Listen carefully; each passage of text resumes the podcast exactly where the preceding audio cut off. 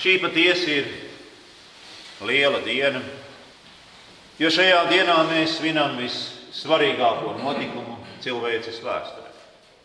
Ne tikai pagātnes notikumu, bet būtiski nozīmīgu katram mums personīgi. Mēs šodien svinam uzvaru pār nāvi, pār lielāko cilvēces ienaidību. Un, lai pareizi to saprastu, mums ir jāuzklausa atsliecinieku liecības un jāmēģina arī tās pareizi saprast. Altāra lasījumā mēs dzirdējām viena no lieciniekiem Jēzus mīļā mācekļa, apstuļa Jāņa stāstīja, ko viņš šajā dienā redzējis un piedzīvojis. Tātad pirmā iespēja tuviniekiem apmeklēt kapenes, lai apraudātu mirušo jēzu un svaidītu viņu, bija svētdienas rīts.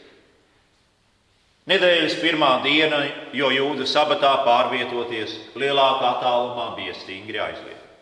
Tas vienkārši nebija iespējams. Un tā pirmajā nedēļas dienā, jeb vienu dienu pēc sabata rīta agrumā, kad vēl bija tumsa, Marija Magdalēna nāca pie kapa un redzēja akmeni no kapa novēlu. Evanģēlista lietotais valodas veids, viņš saka, burtiski viena diena pēc sabata, ir patapināts no radīšanas stāsta. Un tas norāda, ka šeit notiek kaut kas īpašs, kaut kas pilnīgi jauns. Bija agrs rīts, kad vēl bija tumsa, tā nebija pilnīgi izklīdusi. Un Marija Magdalēna kopā ar dažām citām sievām dodas ceļā. Viņas nāk uz Jēzus kapu un redz, akmens no kapa ir novērts. Akmens bija liels, un tas bija ne tikai novērts, bet tas bija izrauts no gropes un gulēja nosvies zemē netālu no Jēzus kapenē. Redzētā satriekta Marija Magdalēna kopā ar pārējām sievām izdara acīm redzamu secinājumu. Jēzus līķis ir nozagts. Marija būs vēlējusies iespējami ātri uzzināt, kas noticis. Un viņa ir tik satraukta, ka tūdaļ skriešus dodas pie Pētera un pie otra mācekļa, kuru Jēzus mīlēja, tātad pie apstuļa Jāna. Uzklausījuši Marijas sacīto, abi mācekļi dodas uz kapu. Sākotnēji viņi iet soļos, bet sastapuši ceļā pārējās sievas un dzirdējuši viņu sakām, tie būs metušies skriet. Un Jānis būs skrējis pa galvu, pa kaklu daudz nedomādams, un būdams jaunāks par Pēteri aizsteidzies viņam priekšā. Vai arī viņš labāk par Pēteri pazina apvidu un izvēlējās taisnāko ceļu, un tādēļ sasniedza kapu ātrāk par Pēteri. Sasniedzis kapu, viņš ieskatās tajā un redz. Un tas, ko Jānis redz, ir patiesi pārsteidzoši. Līķauta līnu saites guļ zemē neskartas, bet Jēzus līķa tajās vairs nav. Redzētā pārsteigts Jānis apstājas un sastiprināts. Tad piesteidzas Pēteris. Nu, Pēteris kā vienmēr pa priekšu dara, pēc tam domā, un atšķirībā no Jāņa viņš tūdaļ metas iekšā kapenēs. Un ierauga tur to pašu, ko Jānis, neskartās linu saites un arī sviedrautu, ar kuru bija aptīta Jēzus galva. Bet sviedrauts bija kārtīgi satīts un pulēja nolikts atsevišķi. Linu saites nebija ne saplēstas, ne sagrieztas, ne attītas, bet gulēja zemē tāpat kā tās bijušas, aptītas ap Jēzus ķermeni.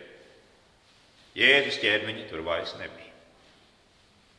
Pēteris stāv, skatās un skatās uz linu saitēm, skatās un nebeidz skatīties. Jo Jēzus miesas nevarēja būt nozaptas, nesabojājot linu audekla saites. Viņš bija pazudis cauri tām.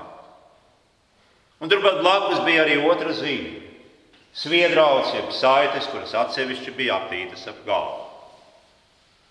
Nu, tās ir kas ietas ap mirušā zodu un galvu, lai viņam neatvērtos mute.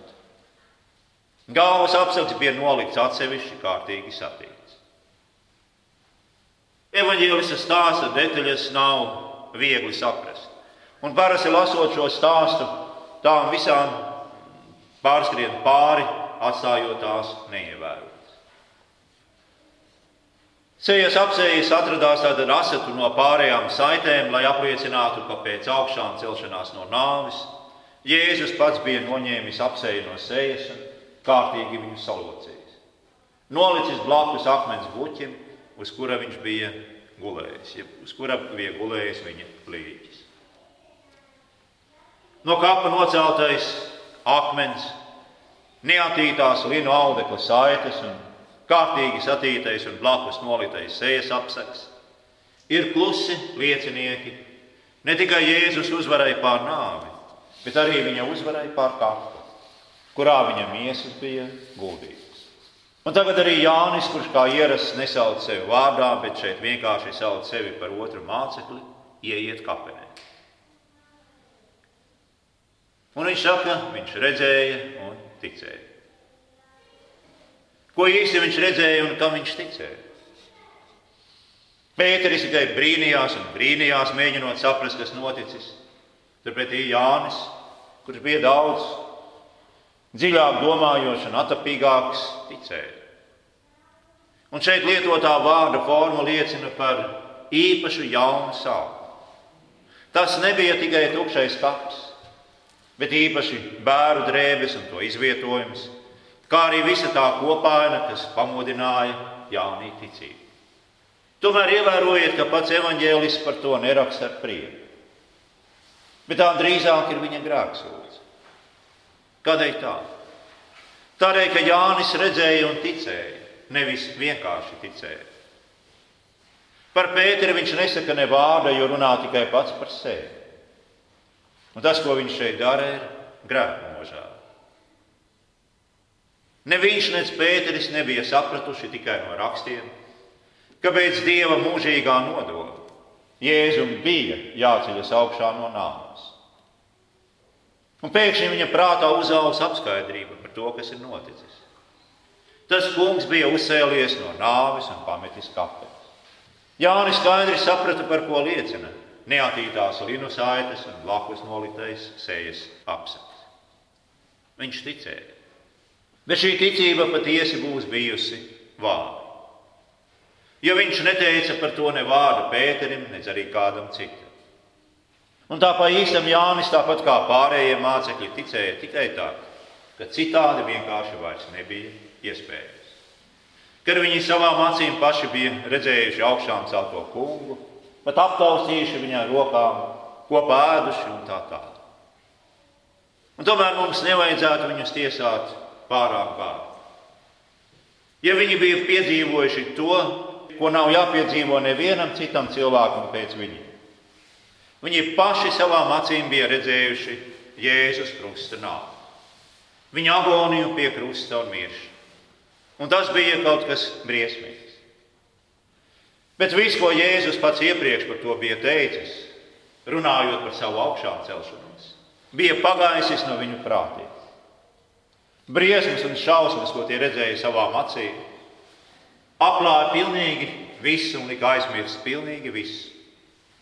Lika viņiem raudzīties tikai uz šo baismo notikumu, just briesmīgas sāpes, izmisumu un bezcerību.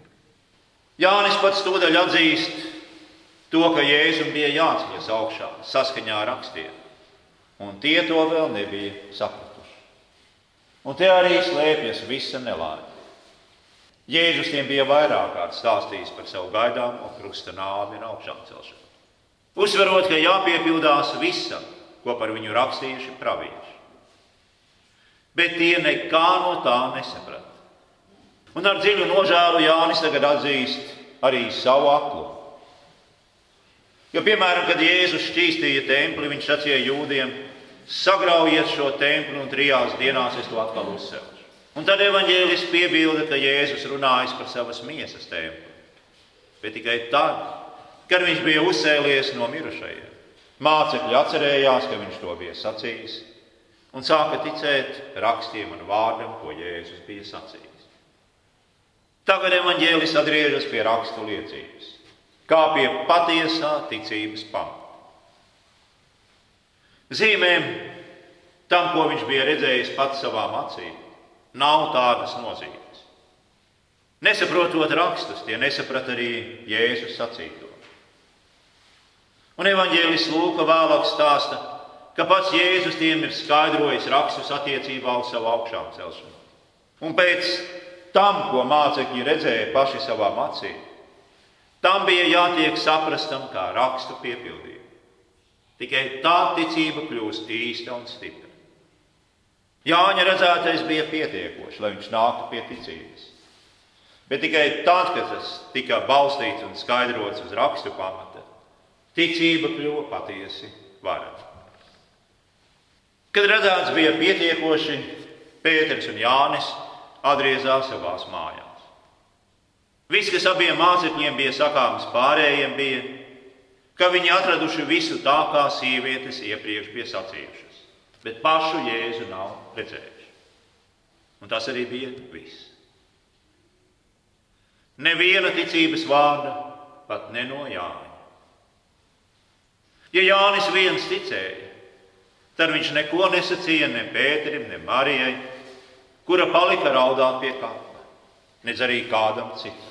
Tad kaps bija tukšs, bet tukšais kaps vēl nav viss tā. Tas ir tikai stāsta iesākums. Abu mācekļu redzētajiem ir būtiska nozīme, jo viņi abi ir kopā un redz vienas un tās pašas lietas. Šeit mums ir jāatceras, ka sievu sacītajam jūdu vidū tajā laikā nebija juridiskas liecības vārdi. Bet Pēters un Jānis ir divi liecinieki un saskaņā ar bauslības likumu viņi kvalificējas kā patiesi liecinieki. Kas attiecas uz rakstiem un ticību, tad var sacīt, ka Jēzus augšām celšanās izskaidro rakstus, un savukārt raksti izskaidro augšām celšanos, to, kas tiek redzēts un piedzīvots. Abas šīs lietas ir vienas monētas divas puses. Mācekļi vispirms tika pārliecināti, ka Jēzus bija augšām cēlies. Un šā fakta gaismā viņi sāka saprast pilnīgāku augšām celšanās nozīmi, kas balstīta dažos vecās derības pantos. Tomēr neviena liecība par redzēto nepārliecinātu arī mūsu ticēt. Mums varētu būt vienalga, cik vēsturisku liecību. Ja tam nesakotu paša Kristus balss, proti, svētie raksti, kas ir pati labākā un spēcīgākā liecība.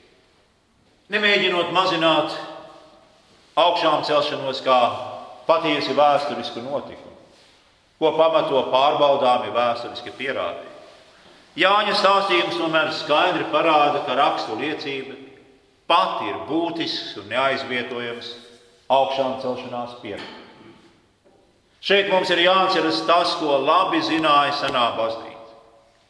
Ko darīja senā baznīca? Viņa lūdza apstuļiem stāstīt šo stāstu katru reizi, kad viņi satika to. Pastāsti mums, kas notika tajā dienā. Un apstuļi stāstīja un stāstīja, un cilvēki nepārstāja klausīt.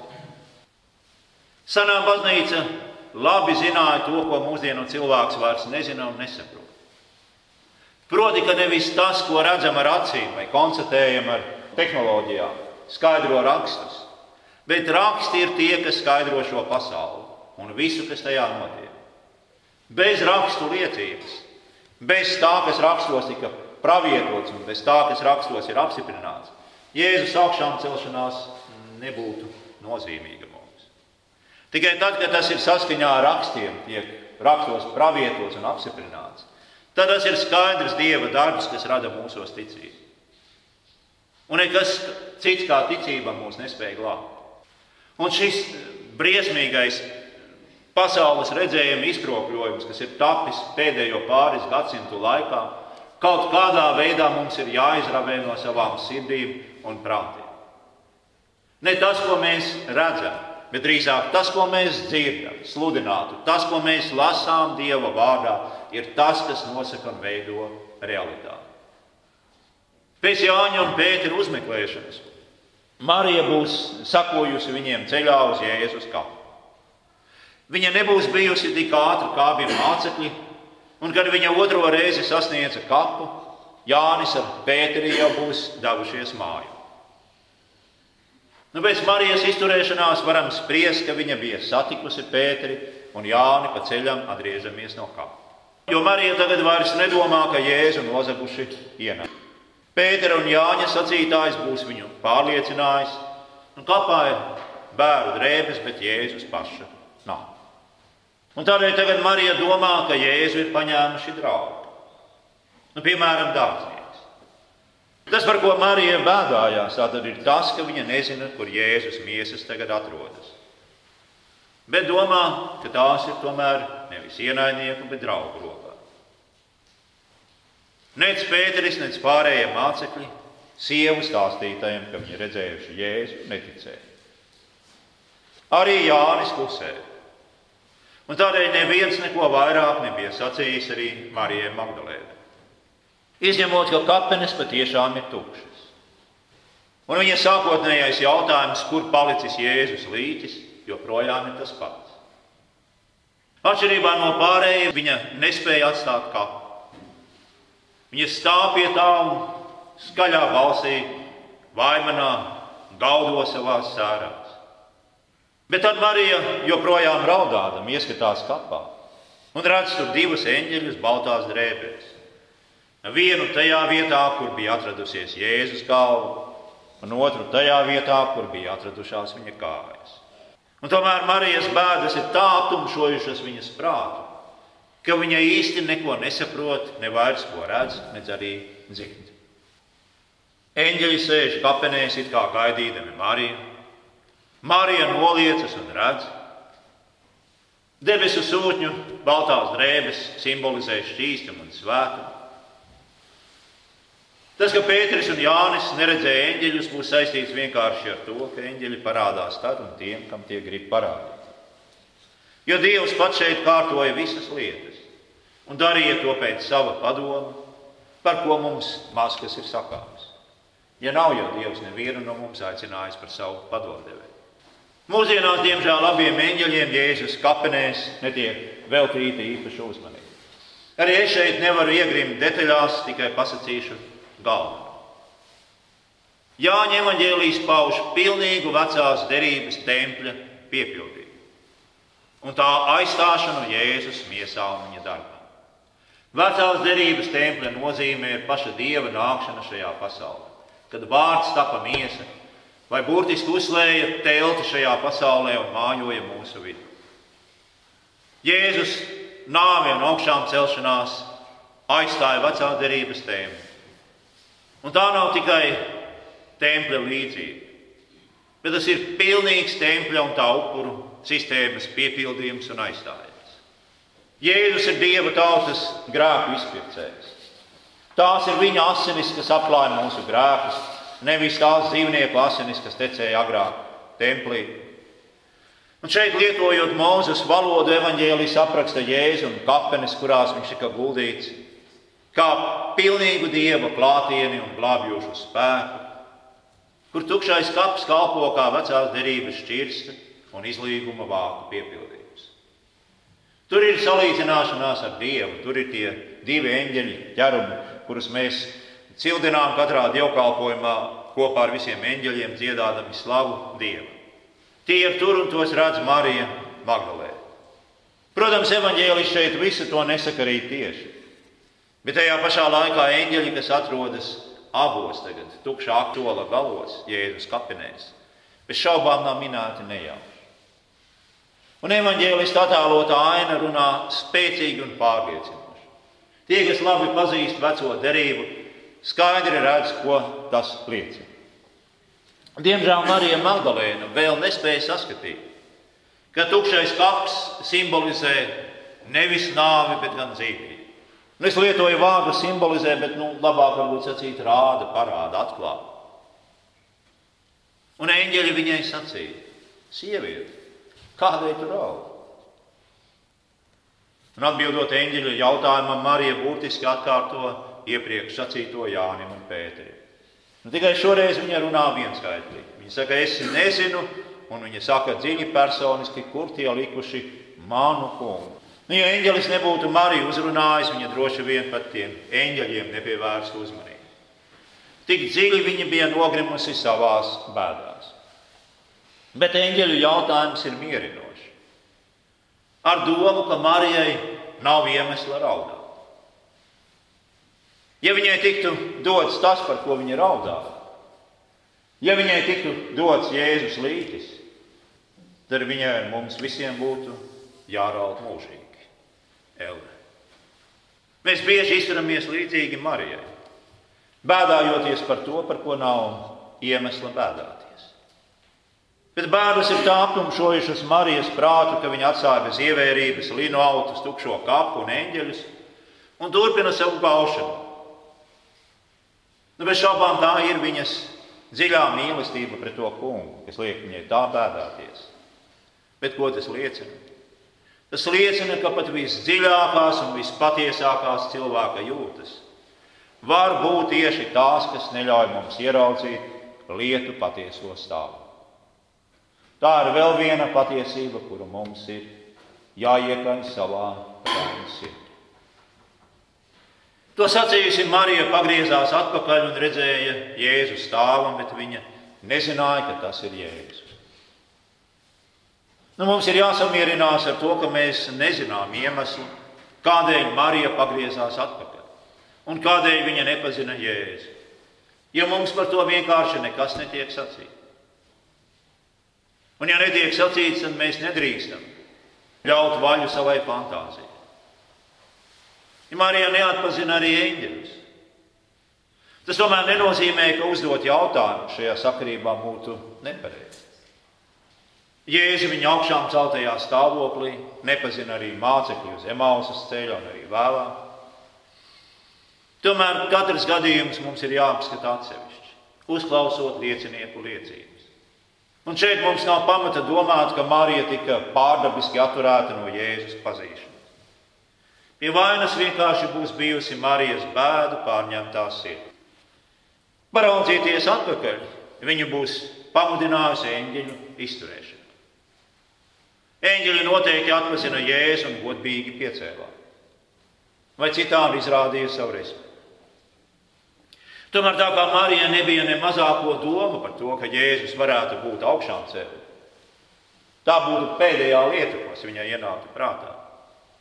Viņa būs turpinājusi bēdāties, ka nav iespējams jēzu pienācīgi aprūpēt un apglabāt.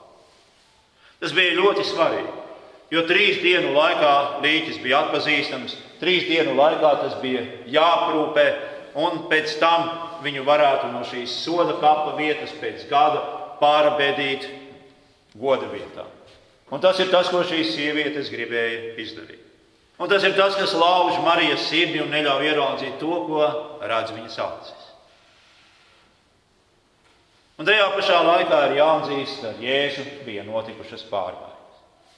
Mēs gan nezinām tieši kādas tomēr tās būs notikušas. Un tagad Marijas priekšā stāvēja augšām celtais un paaugstinātais kungs Jēzus. Un tajā pašā laikā viņš ir arī un paliek mūžīgi patiesi cilvēki. Un Jēzus viņai sacīja, sieviete, kādēļ tu raudi, ko tu meklē? Jēzus pirmais jautājums ir identisks eņģeļu jautājumam. Tas jautājums liecina, ka Marija nav īsti pareizi jautājumu sapratusi un atbildējusi. Un, lai palīdzētu Marijai, Jēzus pievieno vēl vienu jautājumu. Viņš viņai jautā, burtiski, kuru tu meklē. Jautājums nav, ko tu meklē, bet gan kuru tu meklē. Tad tas attiecas uz dzīvu cilvēku. Kuru cilvēku tu meklē? Citiem vārdiem, kādēļ tu joprojām meklē mironi? Varbūt būtu pareizāk, ja tu meklētu dzīvo, nevis mirušu. Nu, jautājumā ir ietverta arī doma, ka jautātājs varbūt varētu palīdzēt Marijai atrast to, kuru viņa meklē. Kā vienmēr Jēzus izturas ļoti pacietīgi ļoti laipni un mīloši, cenšoties panākt, lai klausītāji sāktu domāt un saprast. Bet, kā parasti, saprāšana nāk tikai ar laiku. Draudzīgais svešinieka tonis un laipna attieksme iedrošina Mariju. Liekot tai domāt, ka viņš varētu zināt, kur Jēzus miesas atrodas. Un iedrošināta Marija domādama, ka tas ir dārznieks, viņam saka: Kungs, Ja tu viņu esi aiznesis, saki man, kur tu viņu esi licis, es viņu paņemšu. Marija tāda turpina iepriekšējā garā. Bet tagad viņa ir pārliecināta, ka tie nav jūdi, bet gan dārznieks, kurš būs pārvietojis Jēzus miesas citu. Nu, Marijas doma, protams, šķiet visnotaļ loģiski. Bet tad sako kaut kas negaidīts. Marija atskan no šī vīra mutes. Pagriezusies Marija viņam ebrejiski saka rabūni. Tas ir skolotāji. Te nu mēs redzam to, ko acis nespēja, iespēja ausis. Tikai viens vārds Marija paveic visu. Un dzirdot to, Marija vienā mirklī atpazīst Jēzu. Tas ir kaut kas daudz vairāk nekā viņa būtu spējusi iztēloties pēc savos pārdrošākajos sapņos. Mirušā ķermeņa vietā, kuru viņa bija cerējusi atgūt, viņa tagad atradās vaigu vaigā ar savu dzīvo kungu. Un tikšanās ar Jēzu ir svarīgāka par tukšā kapa mītni. Kaps tagad ir vēsture, kam vairs nav jāpievērš uzmanība. Kā tas bija arī agrīno kristiešu vidū. Nu, kādēļ viņiem meklēt kapu un domāt par to, ja Jēzus ir dzīves un viņu vidū? Tas, kam ir nozīme, ir šis dzīvais, augšām celtais kungs. Un arī Marijas atbildē tikai viens vārds - rabūni. Beidzot, beidzot, avs ir atpazinusi sava gana balss. Un viens vienīgs gana vārds Marijas bērnas pārvērš priekšā. Divas lietas šeit ir ievērības cienīgas. Pirmā ir tā, ka arī pēc savas augšām celšanās Jēzus nemēģina pārsteigt ar savu dievišķo majestāti, bet viņš lieto runātu vārdu. Vārds, tāpat kā tas bija viņa dzīves laikā, paliks Jēzus komunikācijas līdzeklis ar ticību. Viņš neparādīsies katru svētdienu, katrā dievnamā savādākā, tikai savā vārdā un arī noslēpumā, jeb sakramentā, kurā viņš ir klātesošs. No Jēzus sacītā vispirms par Mariju. Tad, izdziedot šo vārdu, Marija būs metusies uz priekšu, nokritusi pie Jēzus kājām un tās cieši apkāpusi. Nu, tā apkāpa kaut ko tādu, kas ir svēts un dārgs, bet kas ir ticis pazaudēts un tagad atkal atrasts. Un no Jēzus sacītā ir skaidrs, ka viņai ir jāpārtrauc darīt to, ko viņa dara tagad. Jo Jēzus nesaka, ka viņai vispār mani neaiztiec, un tur nav nekāda mistika, ka viņš vēl nav aizgājis pie tēva, bet viņš Jēzus viņas, viņai saka, viņš nu, neķeries pie manis tik cieši. Es tepat vēl vienu esmu. Vēl es neesmu aizgājis pie tēva, vēl es esmu pie jums. Turklāt pēc tam, kad es būšu aizgājis, es būšu jums vēl tuvāk un tev vēl tuvāk nekā jebkad agrāk. Un šī priekšpilnā ziņa ir ne tikai priekš Marijas, bet arī priekš visiem pārējiem mācekļiem. Un tādēļ Marijai es teikšu, ir jādodas pie pārējiem mācekļiem, kurus Jēzus tagad sauc par saviem brāļiem. Kā viņš viņu sauc agrāk? Agrāk viņš bija viņu saucis par draugiem. Un tagad viņš viņus sauc par brāļiem. Ko tas nozīmē? Tas nozīmē nevis fizisku radniecību, Bet to, ka tagad sākas jaunas, vēl dziļākas, īpašas attiecības starp viņu un mācekļiem. Lai gan Jēzus ir augšām cēlies un dosies pie sava tēva, mācekļi būs viņa brāļi. Un tas nozīmē to, ka mācekļiem tagad ar viņu ir kopīgs īpašums, kopīgs mantojums, kopīgs tēvs, kopīgs itin viss. Un tomēr tāpat kā citviet Jēzus patur atšķirības starp sevi un mācekļiem. Viņš saka, mans tēvs un jūsu tēvs, mans dievs un jūsu dievs. Jo Jēzus ir sava tēva dēls pēc savas dabas. Visi pārējie ir pieņemti bērni, adoptēti bērni, ticībā pieņemti. Par sevi Jēzus runā arī ar dievišķu majestātisku. Es uzkāpju pie mana tēva. Tomēr Jēzus sacītais ir jāsaprot vairāk tajā nozīmē, kas viņam ir kopīgs ar viņa mācekļiem nekā tajā, kas ir atšķirīgs. Un tagad prieka pārņemta Marija dodas atpakaļ pie mācekļiem un saka, es redzēju kungu. Un, protams, ne mirušu, bet augšām cēlušos un dzīvi. Ir vērts ievērot, ka Marija neizplūst sajūsmas pilnos emocionālos vārdos, bet ļoti rūpīgi un nopietni atstāsta visu tieši tā, kā Jēzus viņai bija teicis. Tagad vēsts par Jēzus augšām celšanos ir paziņota. Un tā neatskanēja ne no Pētera, ne Jāņa, bet gan no Marijas Magdalēnas mutes. Tā, kas pirmā pateica nāves vārdus, bija sieviete, Ieva. Un tā, kas pirmā pasludināja dzīvības vārdus, arī bija sieviete, Marija. Mums netiek sacīts, cik tieši bija to mācekļu, kuriem Marija pasludināja vēsti par Jēzus augšām celšanu. Ņemot vērā iepriekšējo informāciju, tie varētu būt tikai Jānis un Pēteris. Lai gan tālākie panti liecina, ka mācekļu ir bijis vairāk, vismaz 11. Netiek arī sacīts, kāda ir bijusi mācekļu reakcija uz Marijas sacīto. Bet varam pieņemt, ka viņi to uztvēra skeptiski, neticīgi. Šis ir tāds pasludinājums, kuram esam pārāk pāri. Gan lai to sludinātu, gan arī lai tam ticētu. Mācekļu stunda vēl nebija pienākusi. Un stāsts par Jēzus augšām celšanos vēl nebija viņu stāsts.